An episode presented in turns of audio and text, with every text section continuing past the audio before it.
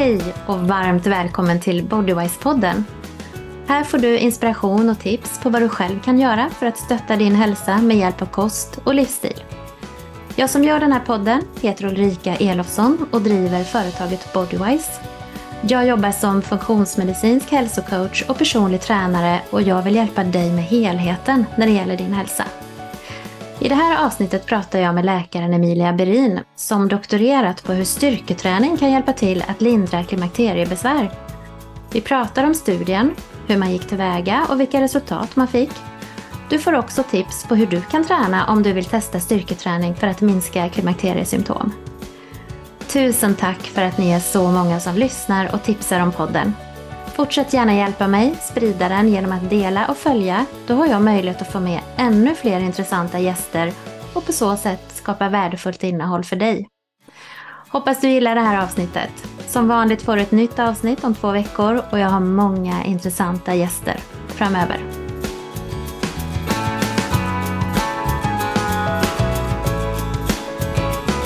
Hej och varmt välkommen till Bodywise-podden Emilia. Tack så mycket. Tusen tack för att du tar dig tid att vara med. Jag är så glad att ha med dig i podden. Och idag ska du och jag prata om resultaten av din forskning. Du är läkare och du har i flera år forskat och nyligen även doktorerat på hur träning kan hjälpa mot klimakterieproblem. Och det är ju just det här vi ska prata om idag. Så jag tänkte bara, har du lust att börja med att berätta lite om dig själv och din bakgrund? Eh, jag, Emilia Berin heter jag och eh, jag jobbar som läkare inom obstetrik och gynekologi, alltså inom eh, kvinnosjukvård. Och ehm, har, som du berättade, nyligen i vår doktorerat inom ämnet eh, fysisk aktivitet och träning eh, mot klimakteriebesvär. Ehm, jag själv tycker om att träna också på en, eh, ehm, men på en motionärsnivå. Men det, jag, är, jag är själv väldigt, tycker att det är inspirerande det här. Vad kan man, vad kan man själv göra? Eh, och hur kan man påverka sin hälsa själv? Mm. Så. Mm. Spännande. Det finns ju jättemycket man kan göra med kost och livsstil. Men eh, du är ju inte alls i den här åldern själv. Du har ju precis fått ditt första barn. Och du har ju ändå forskat på det här och lagt eh, mycket tid, många år, på det här området då. Och hur kom det sig att du intresserade dig just för klimakterieproblem? Eh, egentligen så är det så att den forskargruppen som jag tillhör, där finns det en lång tradition av att forska om, inom det här området. Och eh, där blev jag eh, insugen och inspirerad för att jag tyckte att det verkade så spännande. Eh, och eh, så där eh, har jag eh, tillkommit och, och, jobbat nu här de senaste åren. Men inom gruppen så har man ju forskat ända sedan början av 90-talet egentligen på inom det här eh, området. Och eh, eh, det är alltså vid Linköpings universitet eh, som eh, jag verkar och där jag jobbar också. Eh, och där det var egentligen i början av 1990, ja, 1990 kom den första eh, studien där man hade undersökt eh, ett eh, antal kvinnor då som tränade regelbundet och jämförde dem med eh, många kvinnor som inte tränade regelbundet och såg att eh, eh, de kvinnor som tränade regelbundet rapporterade mindre värmevallningar och svettningar då framför allt i samband med klimakteriet.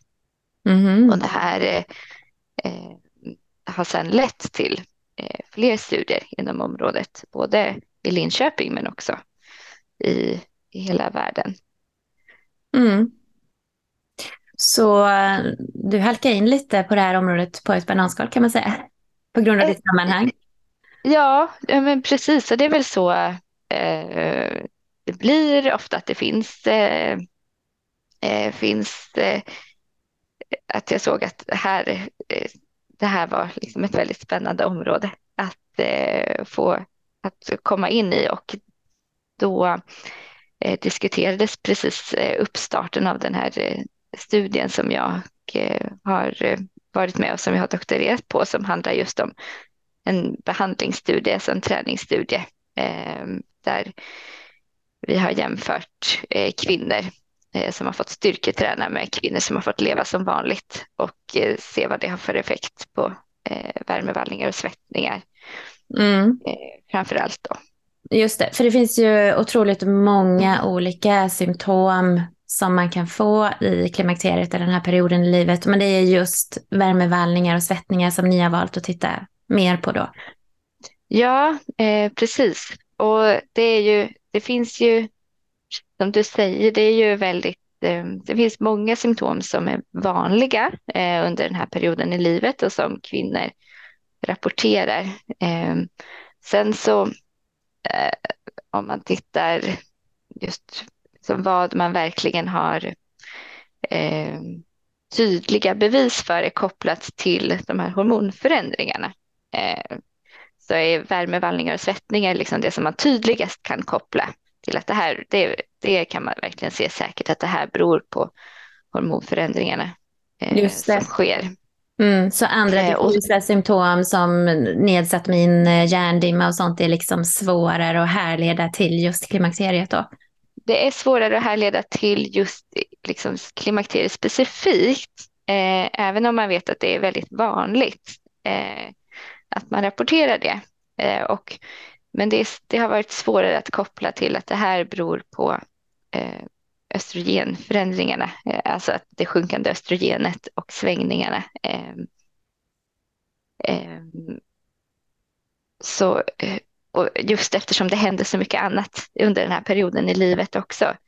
Eh, man, eh, det kan vara så att man liksom är mitt uppe i karriären, att man har kommit långt, att det är stress på det sättet, att man, Eh, barnen flyttar hemifrån eller att det sker andra livsförändringar. Ehm, samtidigt som vi vet att hos både kvinnor och hos män så sker det förändringar med åldern som tenderar också att komma under den här perioden. Så att det, det, har varit, det är lite svårare att härleda eh, många andra vanliga symptom. Men just värmevallningar och svettningar, eh, det är väldigt tydligt. Så det, det vet vi att det är, är kopplat eh, till de här hormonförändringarna och även sömnproblem ju, som eh, ofta kan vara sekundärt eh, till de här symptomen som man har. Eh, men som ju också är väldigt vanligt att man rapporterar under den här perioden i livet. Mm, och det kan ju också vara mm. så att man vaknar på grund av att man får en sån här värmevallning, så att man får sömn på grund av det då. Exakt, eh, och det är ju, det är ju eh, en vanlig orsak till sömnbesvär och de som upplever det som svårast också, eh, de här värmevallningarna som gör att man vaknar på natten och vaknar sjöblöt, man kanske behöver byta lakan, byta kläder. Eh, och det här kan vara liksom många gånger per natt. Så det är ju väldigt, något som kan påverka livskvaliteten väldigt mycket och påverka hur man fungerar i vardagen. Liksom mm. Hur man kan hantera sitt arbete, hur man, eh, hur man mår och, och i sig, humörsvängningar och så här för att sömnen är så påverkad. Eh, Precis. Så, och även värmevallningar som man får på natten men som inte gör att man vaknar kan ju också störa sömnen. Så, så att det är kanske inte alltid att man märker att man vaknar heller, men att man sover lättare eller eh, så. Mm. Mm. Men ni har ju valt att titta på det här, vad jag förstår, i, alltså, när man har slutat menstruera då. Eh, kan inte du berätta lite om, bara lite kort om begreppet klimakteriet? Ja, precis. Eh, inom medicinen så är vi liksom väldigt eh, noga med att eh, sista mensen eh, kallas menopaus. Så. Och det kan man egentligen inte diagnostisera eh, eller veta om helt säkert förrän det har gått ett år efter att man har fått sista mensen. Det är så man har bestämt att man ska, att man ska klassificera det. Så. Eh, men eh, sen så finns det klimakteriet på svenska, där har man inte egentligen sagt att eh, bestämt liksom, exakt vad betyder det, men man brukar säga att det är några år före och några år efter sista mensen mm. under den period där det är vanligast att man har symptom. Mm. Och det här inträffar ju vanligtvis, vad är snittåldern? 51,5? Ja, 51, 52 år. Mm.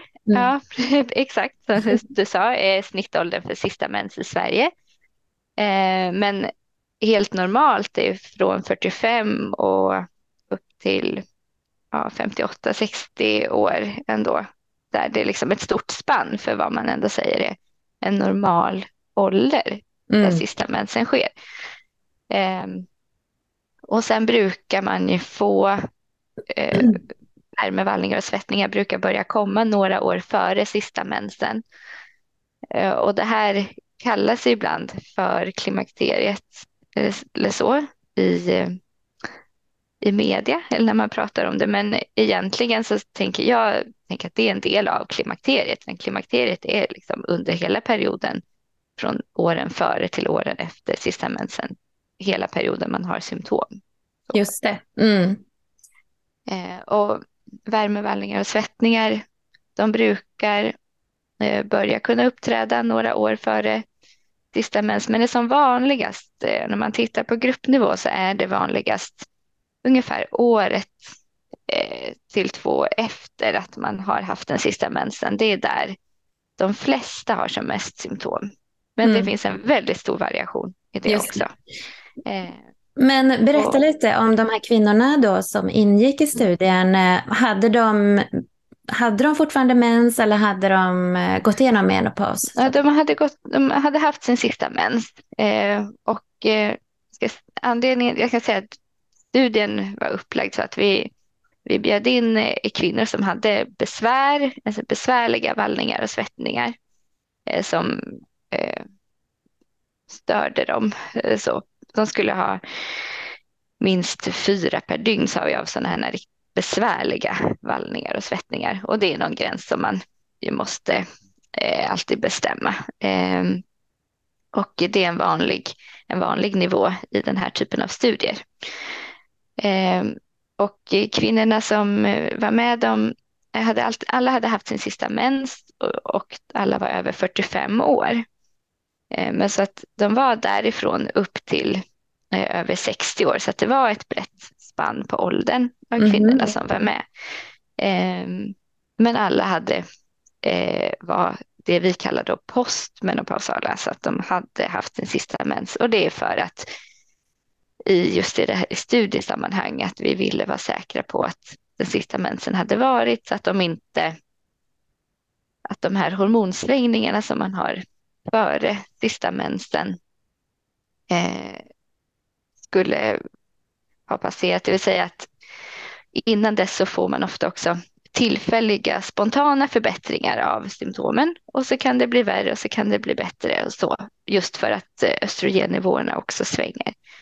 Eh, så det ville vi undvika eh, mm. genom att säga att de skulle ha haft sin sista mens för att vi tydligare skulle veta men vad var effekten av träningen och vad var effekten av bara hormonsvängningar utan det ville vi ta bort så att vi ville veta liksom, men vad är effekten av träningen. Mm. Och vilken eh, typ av träning var det som deltagarna fick göra? Det de fick göra var att de fick göra styrketräning. Eh, tre gånger per vecka sa vi var målet eh, och de flesta nådde minst två gånger per vecka eh, av den här styrketräningen. Och eh, de tränade Eh, på ett gym i maskiner eh, för att eh, alla kvinnorna var egentligen nybörjare vad gällde styrketräning. Så att vi mm. ville att det skulle vara ett genomförbart program. Var det också ett kriterie att man inte var tränande redan innan? Ja, man fick ju vara, precis, man skulle inte träna regelbundet innan. Man fick träna som mest en gång per vecka hade vi som gräns.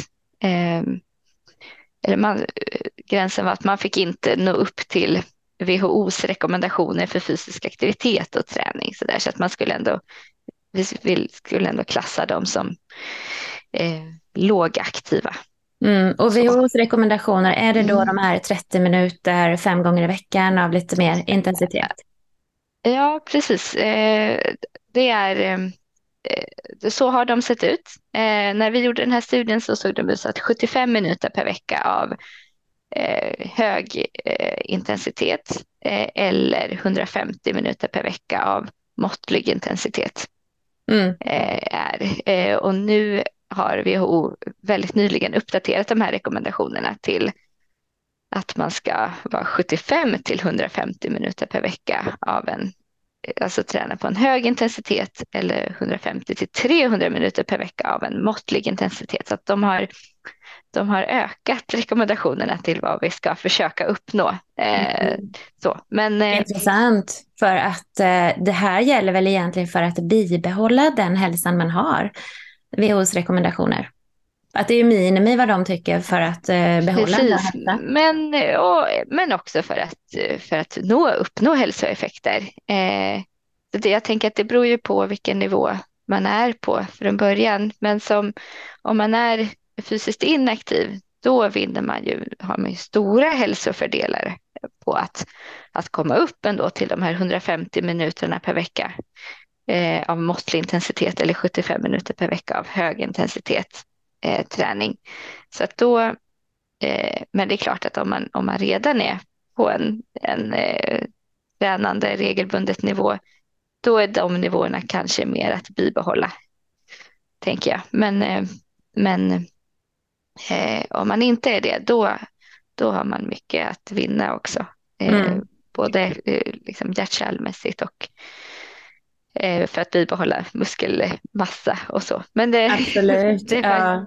bispår. Men ja. ja. vi ville att eh, kvinnorna i vår studie, de fick inte liksom, träna regelbundet kan man säga från början av studien, om man ska säga förenklat. Eh, och sen så fick de då genomgå, vi lottade dem till att antingen genomgå ett styrketräningsprogram i 15 veckor eller att fortsätta leva precis som de hade gjort innan i 15 veckor, alltså varken öka eller minska sin fysiska aktivitetsnivå. Eh, och det här styrketräningsprogrammet bestod av eh, sex övningar i maskiner eh, som täckte in hela kroppen, alltså både över och underkropp och hade fokus på att öka både muskelmassa och bidra till hypertrofi av muskler, alltså muskelvolym och muskelmassa. Mm. Så hade ni ett visst antal repetitioner, de skulle träna ett visst Precis. antal set? Precis, de tränade då i två set och åtta till tolv repetitioner eh, per övning. Eh, och eh, det här grundar sig på eh, de, de amerikanska eh, de American College of Sports eh, Medicine, deras rekommendationer för styrketräning för nybörjare och för att öka muskelvolym och muskelmassa. Mm. Eh, så, så att det här är ju egentligen kan man säga ett vanligt styrketräningsprogram. Mm. Men eh. hur eh, såg programmet likadant ut genom de här 15 veckorna eller förändrades det? Eller hur gjorde ni ja. vikten för att man Precis. behövde utveckla? Det blir ju lättare och lättare så att säga. Exakt, ja. Vi gjorde så de första början, fick, de första tre veckorna fick de träna på en lägre belastning, eh, alltså med 15 till 20 repetitioner varje övning på en lägre nivå för att lära sig övningarna, för att öva in det här, just eftersom eh, i princip ingen hade tränat styr, liksom, eh, regelrätt styrketräning innan. Eh, sen hade vi en fysioterapeut eh, som gjorde ett eh, styrketest av eh, ett individuellt styrketest när studien började för att prova ut på exakt vilken belastning som varje kvinna skulle träna på. Och den belastningen var det som kallas för 8 RM, alltså 8 repetitioner maximum. Det betyder att man kan lyfta eller göra den här övningen exakt åtta gånger men inte mer. Eh, det var ganska tung träning egentligen då? Det blir ganska tung träning. Eh, exakt. och det eh, var ju det eh, vi ville uppnå för att det skulle vara liksom, tillräckligt intensivt. Eh, för när man tittar på tidigare studier som har försökt eh, undersöka effekten av träning på klimakterieproblem så är en av de, en av de största, vad vi tycker, eh, bristerna så det är att man har haft en ganska lågintensiv träning. Ehm, och eh, vår hypotes är att det krävs eh, en träning av en högre intensitet för att nå de här effekterna vi är ute efter. Eh, så det var det som vi ville uppnå. Så det blir en ganska tung, tung styrketräning, men som ju också är det som krävs på något sätt för att eh, sen fortsätta öka i styrka och muskelmassa. Och det som är rekommenderat, om man tittar också på, också på våra svenska rekommendationer för på vilken nivå man ska träna styrketräning Mm. Men du säger eh. att de här kvinnorna som ni hade med i studien då, de hade inte mm. tränat innan. Alltså, hur fick man dem att vilja börja träna flera gånger i veckan under 15 veckor? Alltså var det så att de, de mådde så dåligt så att de var villiga att typ göra vad som helst? Eller hur, hur, ehm, hur kom det sig att de intresserade sig för att vara med i studien? Precis. Eh, eh, det visade sig att de här kvinnorna eh, var väldigt motiverade. Eh, det blir ju alltid så när man gör eh, en, bjuder in till en studie att, att det blir ett, ett motiverat urval eh, av deltagare. Ehm, men de här kvinnorna var så eh, från början så pass motiverade av sina besvär de hade att de ville, de de ville verkligen hitta någonting eh, som gjorde att de kunde bli bättre och må bättre. Mm. Eh, eh, en del hade eh, provat eh, andra typer av livsstilsförändringar innan. man kanske hade köpt Eh, receptfria naturläkemedel på apoteket eller eh, eh, försökt att eh, motionera men att eh, haft svårt att komma igång eller använt hormonbehandling eh, men haft, fått biverkningar eller av olika skäl inte ville eller kunde använda det längre. Eh, och så att från början var det egentligen det här att de, de ville verkligen eh, eh hitta, få hjälp eller hjälpa sig själva att må bättre. sen märkte vi under studiens gång. Eh, att eh, det här det blev mindre och mindre viktigt utan eh, det, det välmåendet i sig som ändå träningen gav var det som drev den här fortsatta motivationen att fortsätta träna. Mm. Så det vi såg egentligen, och det var det som jag fick eh, fram ur de här intervjuerna som vi gjorde med kvinnorna som deltog i studien för att lära oss att det eh, egentligen oavsett eh, vilken effekt de hade fått på sina värmevallningar och svettningar så fick alla eh, en effekt på sitt välmående som de själva beskrev det eh, och eh, vilket var det som sen drev den här fortsatta motivationen till att att vilja fortsätta träna även efter att studien var slut. Mm, vad intressant. Och hur fort eh, kom det välmåendet då? Eller det här är det, som, det, precis, ja, precis. Ja, det som de själva beskrev eh, var väl liksom ett, ett successivt eh, eh, ökande, liksom mer allmänt välbefinnande. Men när vi tittar på värmevallningar och svettningar eh, det, det eh, förde kvinnorna en dagbok över hela tiden. Där kunde vi följa eh, att det sjönk successivt. Eh, och efter 15 veckor så hade det i genomsnitt minskat med knappt hälften. Mm. Så, och Fantastiskt. Knappt, ja, eh, så det var ju igen, liksom en ganska, ganska stora effekter. Eh, och hälften av kvinnorna ungefär hade upplevt Eh, minst en halvering av sina symptom. Eh, Mm. Så.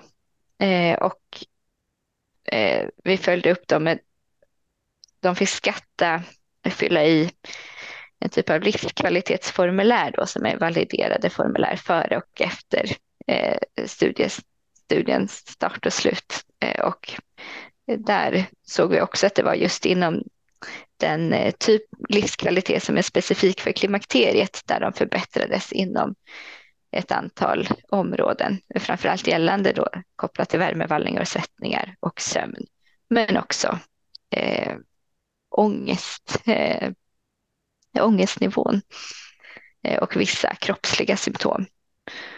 Som, mm. som så. Eh, Vad härligt. Ja, och, och det såg vi också att det höll i sig när vi följde upp dem efter sex månader och efter två år. Okej, okay, så berätta lite så, mer. Mm. Sådär, hur många kvinnor var det och hur många var det i kontrollgruppen ja. och hur gjorde Precis. ni sen med uppföljning och sådär? Eh, vi började med 65 kvinnor totalt. Eh, sen var det 29 kvinnor i varje grupp som slutförde studien. Eh, så 29 kvinnor i träningsgruppen och 29 kvinnor i kontrollgruppen. Och kontrollgruppen fick alltså bara fortsätta att leva som de hade gjort innan? Precis. Eh, precis. Eh, och båda grupperna fick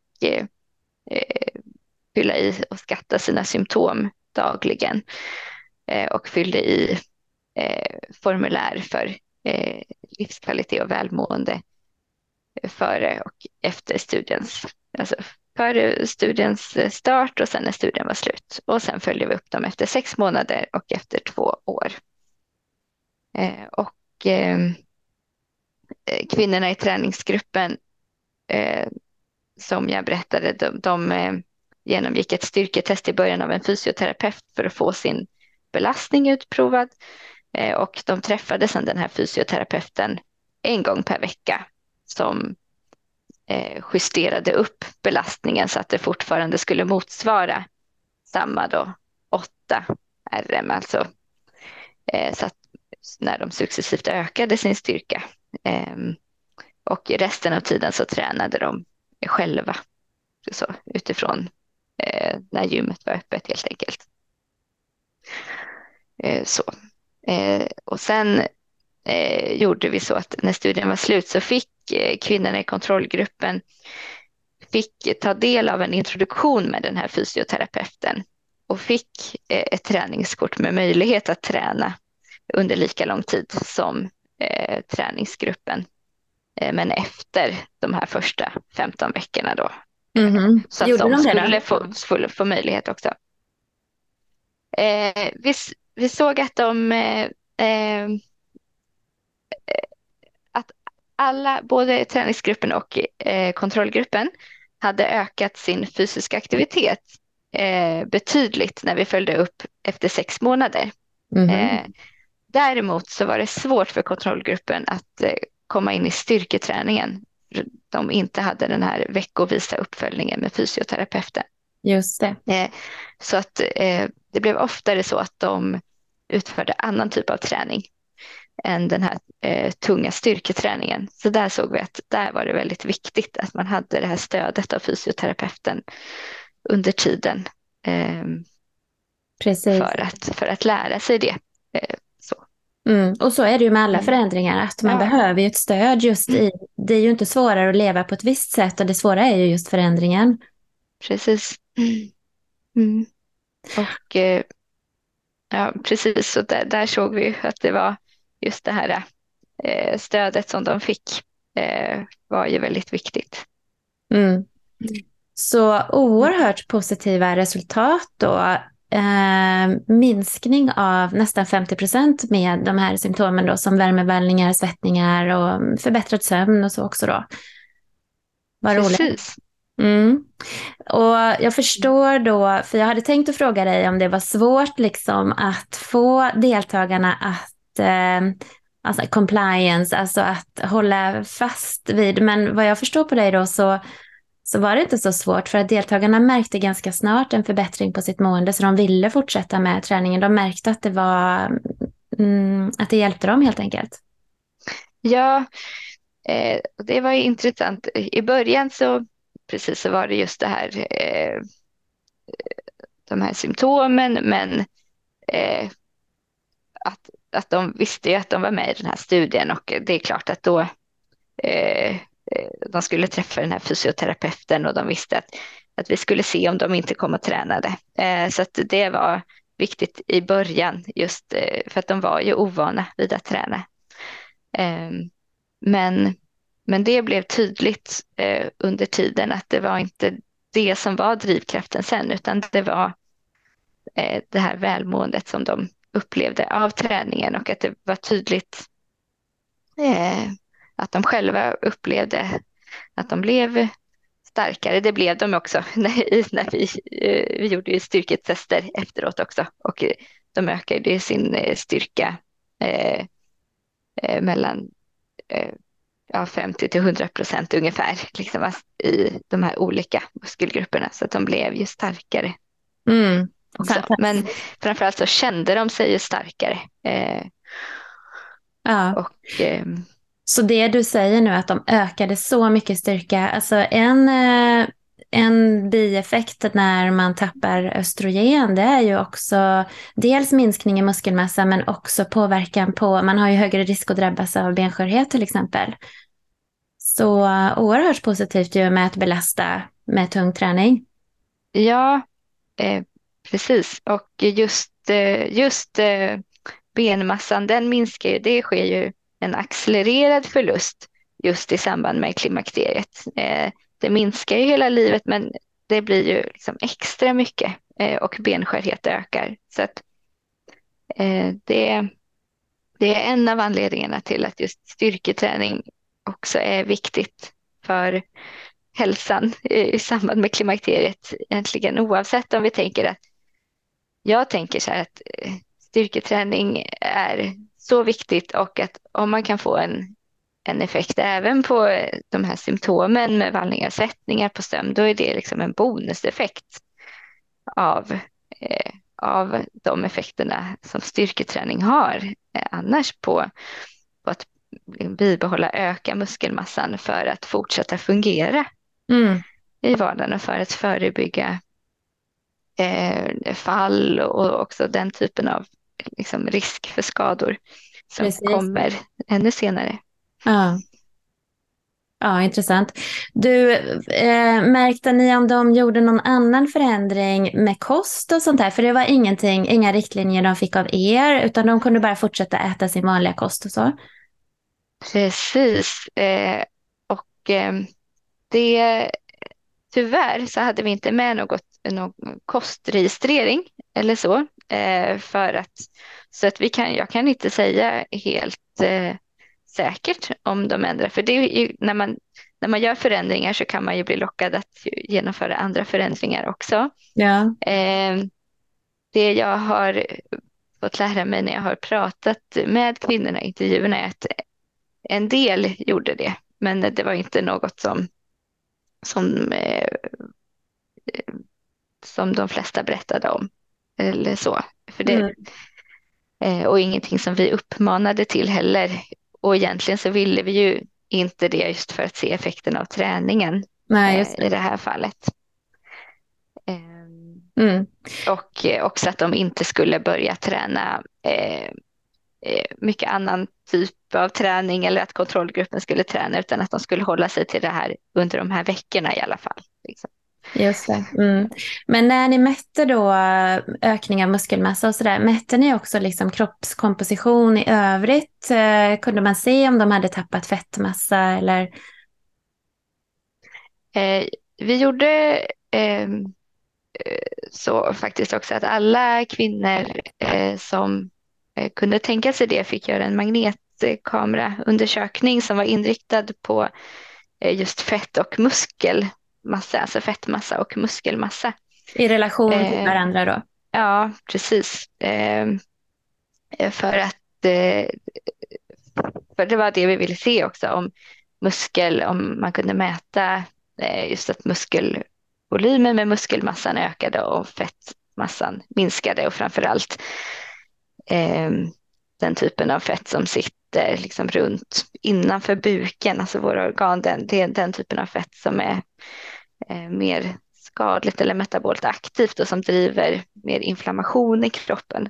Eh, och det eh, kommer en eh, kollega till mig faktiskt disputera på de resultaten. Eh, men så där, eh, där kan vi se förändringar också. Ehm, eh, enklare kan man säga att vi också mätte bukomfång och eh, bukhöjd, alltså hur, hur högt eh, buken når över marken när man ligger på rygg. Och det är som en liksom lite enklare form att mäta det här än ju genom en magnetkamera.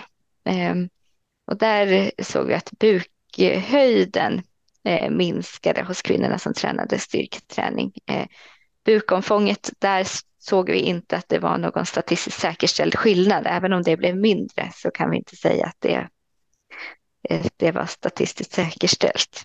Men just att ja. bukhöjden mm. minskade, det skulle mm. kunna tyda på att eh, det här viscerala fettet, det här skadliga Precis. fettet som kan faktiskt vara involverat i hjärt-kärlsjukdom och så vidare, att det skulle ha minskat då, så att man skulle kunna se mer positiva effekter på hälsan på det sättet också då? Precis, och inte bara på symptomen. Eh, så att eh, vi såg också eh, positiva effekter på blodfetter som vi mätte också.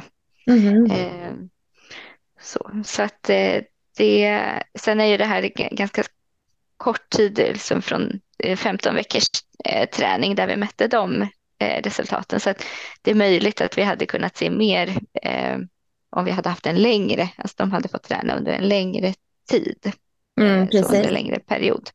Men ändå fantastiska resultat mm. på mindre än fyra månader. Ja, det är ändå inspirerande tycker Verkligen. jag. Roligt att kunna berätta för kvinnor om eh, så. Ja. Just, eh, eh. Har ni också kikat, nu nämner du blodfetter, bukhöjd och sånt där, men har ni också, sen har du varit inne på att berätta kvinnorna upplevde ju ett mer bättre välmående, men har ni också tittat på psykiska aspekter av det här? Liksom? Det, kan, det är ju svårare att mäta naturligtvis. Precis. Eh, tyvärr inte mer eh, strukturerat via formulär eller så, utan vi, eh, vi har använt eh, eh, två olika typer av livskvalitetsformulär där också. Eh, eh, framförallt vad gäller då den här klimakteriespecifika livskvaliteten, där ingår det också psykisk, psykiskt välmående i det. Och, men vi har inte undersökt mer eh, depression eller så liksom för sig, eh, eh, tyvärr, utan där kan det får vi, bli en annan studie. Ja, det får, får bli nästa. så, utan det, det som vi såg då i eh, det här, i det enda vi undersökte, att eh, kvinnorna som tränade eh, fick en förbättrad livskvalitet kopplad till vallningar och svettningar, sömn, men också ångestsymptom. Mm. Mm. Eh, nu säger du att ni har haft mm. uppföljningar sex månader efter att studien avslutades och även två år. Men var det så att de här kvinnorna de tränade i 15 veckor och sen slutade de då eller har de fortsatt att träna? Eller? Vi ser att de är fortsatt eh, fysiskt aktiva eh, på eh, samma nivå eller högre som när studien slutade. Till och med högre? Eh, ja, tyvärr så vet vi inte eh, vilken typ av träning, om det är styrketräning de gör eller om det är eh, annan typ av träning. Eh, när jag eh, i uppföljande intervjuer efter ett år, eh, då var det ungefär hälften av kvinnorna som ändå hade fortsatt styrketräna och hälften hade eh, övergått till mer annan eh, träning eller kombinerat cirkelträning eller liknande, men inte liksom fortsatt med den här äh, tunga styrketräningen. Mm, eh, men de hade inte heller gått tillbaka mm. till den livsstilen de hade innan då? Nej, precis. Eh, så det, det eh, var egentligen ganska förvånande tyckte jag. Och, men liksom positivt förvånande. Verkligen. För att de var ju ändå eh, ja, lågaktiva från början. Och sen eh, hur vi har följt upp dem det är att använt också sådana här validerade eh, formulär för fysisk aktivitet och att de har fått följa, fylla i träningsdagbok, då, de här, eller tränings och fysisk aktivitetsdagbok under de här uppföljningarna. Eh, men eh, eh så att det, jag tänker att, att det var, det är klart, de var ju motiverade när de kom in i studien, de ville ju göra någon förändring. Eh, så, men eh, och det är ju väldigt kul att se att det har hållit i sig. Ja, fantastiskt. Ja, men du, vad hoppas du utifrån den här studien och publikationen nu, liksom, vad hoppas du att det kommer resultera i framöver? Alltså jag tänker det finns ju FAR då, fysisk aktivitet på recept. Precis. Men eh, ha, hur, hur, tänker ni kring den här studien och hur man kan använda resultatet?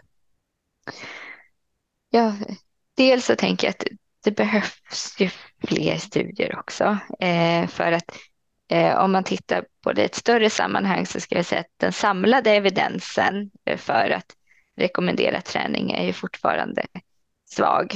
Så för att det är inte är uppbyggt med, med, med många, flera sådana här studier. Just när det gäller klimakteriesymptom? Då. Ja, just när det gäller klimakteriesymptom. Det är ju väldigt god evidens för att det, både styrketräning och konditionsträning är positivt för hälsa, alltså för kardiovaskulär hälsa, för, eh, för välmående, även, även, det, även det, det psykiska Precis. välmåendet. Eh, ja, liksom i allmänhet.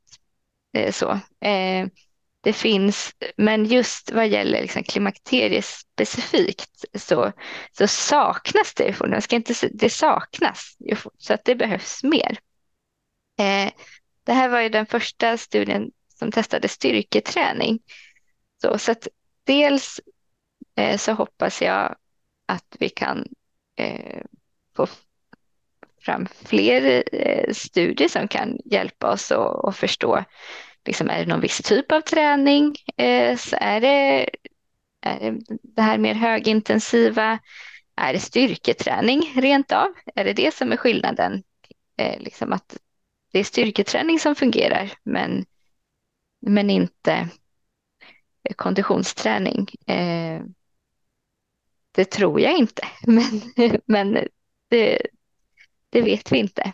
Eh, så jag hoppas, liksom så, även om, om vi inte eh, liksom har fortfarande inte någon, någon starkt vetenskapligt underlag för att rekommendera det här så tänker jag ändå att det här är, är, är en intervention som inte är skadlig.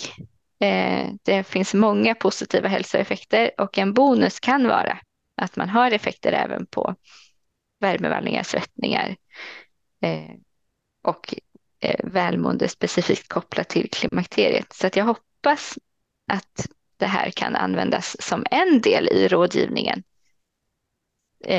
när jag och kollegor också inom hälso och sjukvård träffar kvinnor mm. som har de här besvären. Ehm, ja. Sen kommer vi starta upp en ny studie i höst där vi ska jämföra mer högintensiv konditionsträning med styrketräning eh, för eh, just mot den här typen av eh, besvär. Så värmevallningar, svettningar, välmående, sömn hos kvinnor Spännande. i klimakteriet. Så att, vi kommer göra en liknande studie som ni har gjort nu på styrketräning, det kommer ni göra med högintensiv konditionsträning då? Precis, och jämföra också med styrketräning, så det kommer ingå också. Mm. Mm.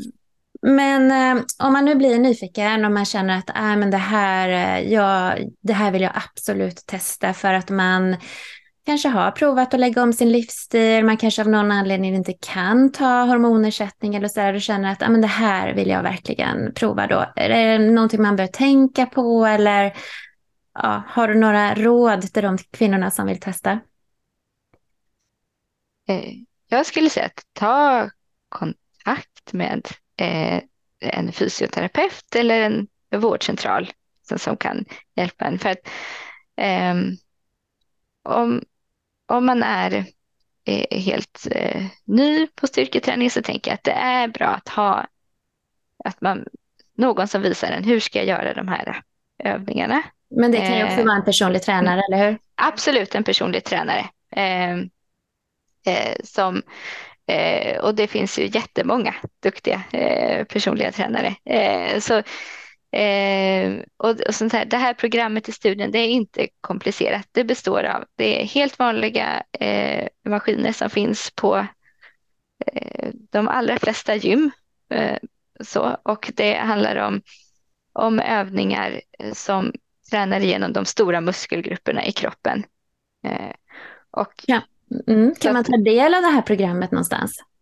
Eh, det finns, eh, ja, man kan, kan mejla mig eh, eller så kan man läsa eh, studien. Där, där finns eh, programmet eh, liksom specificerat. Jag kan ju mejla dig om du vill det senare, liksom exakt vilka övningar det var. Mm. Och vi kan ju länka till studien också i show notes, så kan ju folk läsa studien och även se programmet då. Just det, ja, Mm. precis. Eh, men jag tänker att eh, personliga tränare eller fysioterapeuter som jobbar med det här eh, kommer ju kunna lägga upp ett sånt här program för en. Eh, och det som vi har testat det är ju just att det ska vara att man ska inte vara rädd för att ta i. Eh, utan för att det, ja, vad ska jag säga, det är det som vi har testat i studien så jag kan inte, det är det som, som vi har eh, eh, viss evidens för då. Mm. Eh. Och många kanske upplever det svårt när man går till gymmet, att verkligen träna så tungt så att man orkar bara åtta repetitioner. Alltså det är ju, det är ju väldigt tung träning. Mm, Och man är precis. ovan vid det, att ta i på det sättet kanske. Mm. Speciellt Så om man jag- inte har tränat innan. Nej, precis. Eh, så jag tänker att det är väl en fördel att börja på en lägre belastning, att man känner att nu kan jag de här övningarna. Eh, nu känner jag mig säker med dem och sen kan jag öka belastningen och minska antalet repetitioner. Mm. Jag tänker att det du säger är ju faktiskt väldigt, väldigt viktigt. För börjar man träna tungt med en gång och har fel teknik till exempel så kan du ju eh, belasta dig på fel sätt och kanske till och med få ja, skador eller på grund av obalanser då. Så att eh, jätte, jätteviktigt att man kommer in i tekniken först, precis som du säger. Ja, och det är ju därför jag tänker också att man ska eh, ta hjälp här först så att man ser att man får rätt teknik, att man utför övningarna på rätt sätt. Mm. Eh, men att eh, liksom just muskelstärkande träning är ju så viktigt också. Eh, och inte bara att vi tränar vår kondition. Liksom. Mm. Så att, Precis. eh, Ja. eh, sen tänker jag, vill jag säga också att jag tänker hormonbehandling eh, är ju väldigt effektiv och väldigt egentligen en bra behandling mot klimakteriebesvär. Och det finns ju inget som säger att man inte kan göra båda sakerna. Både ta, använda hormonbehandling och träna. Mm. Sen är det ju inte alla kvinnor som kanske kan ta. Precis, och det är därför det behövs alternativ. Mm. Eh, och, och det är därför vi fortfarande måste fortsätta eh, forska och undersöka vad det kan finnas för alternativ till hormonbehandling. Mm. Ja, fantastiskt eh, glädjande och fina resultat och eh, fantastiskt roligt att Eh, det bedrivs så mycket forskning som du sa runt om i världen då och även i Sverige på det här området ju för att eh, kvinnohälsa och framförallt liksom mående i klimakteriet har ju varit lite sådär man har ju inte pratat så mycket om det och mm, traditionellt sett så forskar man ju inte så mycket på kvinnor för att vi är ju mer komplicerade med vårt hormonsystem och sådär. Så att eh, väldigt, väldigt kul att få ta del av de här positiva resultaten. Kul att få vara med och berätta. Ja, tusen, tusen tack för att du ställde upp. Tack för din tid. Jag vet ju att du är eh, mammaledig just nu, så du har ju lite annat också i livet. Eh, så jag uppskattar det enormt. Men ehm, som sagt, vi länkar eh, i show notes till studien och om man vill komma i kontakt med dig eller om man rent av skulle vilja vara intresserad av att vara med i någon studie eller så, skulle det finnas möjlighet och hur gör man i så fall? Ja, då kan man mejla mig eh, på eh, Jag kan- som du kanske kan, eh, Ja, kan skriva det här också. i poddavsnittet. Det går jättebra. Mm. Eh, och eh, man är varmt välkommen att höra av sig. som sagt, då vi startar en ny studie i höst. Så att det, det är vi väldigt intresserade av att komma i kontakt med kvinnor. Mm. Ja, vad bra. Okej, än en gång tusen tack Emilia och lycka till med allt du har här framöver. Nya studier och familj och allting då. Tack. Ha det fint. Samma. Du har lyssnat på Bodywise-podden med mig, Ulrika Elofsson. Dagens gäst var läkaren Emilia Berin. I det här avsnittet pratade vi om hur styrketräning kan hjälpa till att minska klimakterieproblem. Vill du komma igång med träning eller tränar du redan och vill få ett personligt anpassat upplägg så är du välkommen att höra av dig till mig. Tusen tack för att du har lyssnat. Hoppas du uppskattar avsnittet. Vill du höra fler intervjuer som denna? Kom ihåg att prenumerera på Bodywise-podden i Spotify eller Podcaster eller via min hemsida bodywise.se. Där kan du också läsa mer om mig och mina tjänster. Ha en fin dag, så hörs vi snart igen.